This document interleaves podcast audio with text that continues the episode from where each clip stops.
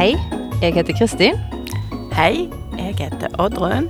og vi jobber på Karmøy folkebibliotek. Velkommen til Bokfriminuttet.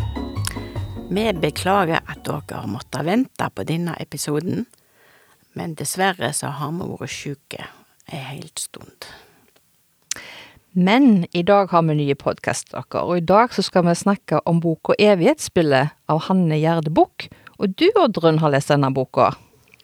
Ja, boka den handler om gutten Kian på tolv år som har mista mor si. Han sørger djupt og har isolert seg fra vennene og fra faren sin. Mora hans var programmerer, og før hun døde, lagde hun og Kian et spill som heter Evighetsspill. En kveld han sitter ved PC-en, får han en melding via spillet med mora sitt brukernavn. Han tror det må være virus på PC-en, men plutselig så raser han inn i spillet gjennom en portal, og plutselig befinner han seg inne i evighetsspillet. Dette høres ut som ei bok om sorg, men òg som ei fantasybok. Ja, den er faktisk begge deler, og boka vil nok òg appellere til gamere. Det er mye action og spenning i evighetsspillet. Men så, hvordan går det med faren når Kian forsvinner? Eh, Faren blir selvfølgelig helt fortvila når Kian er borte.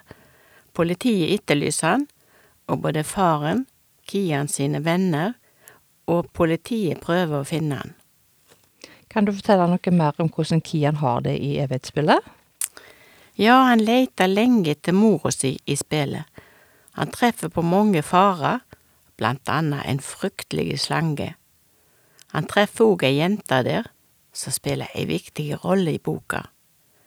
Men det er òg en annen fare.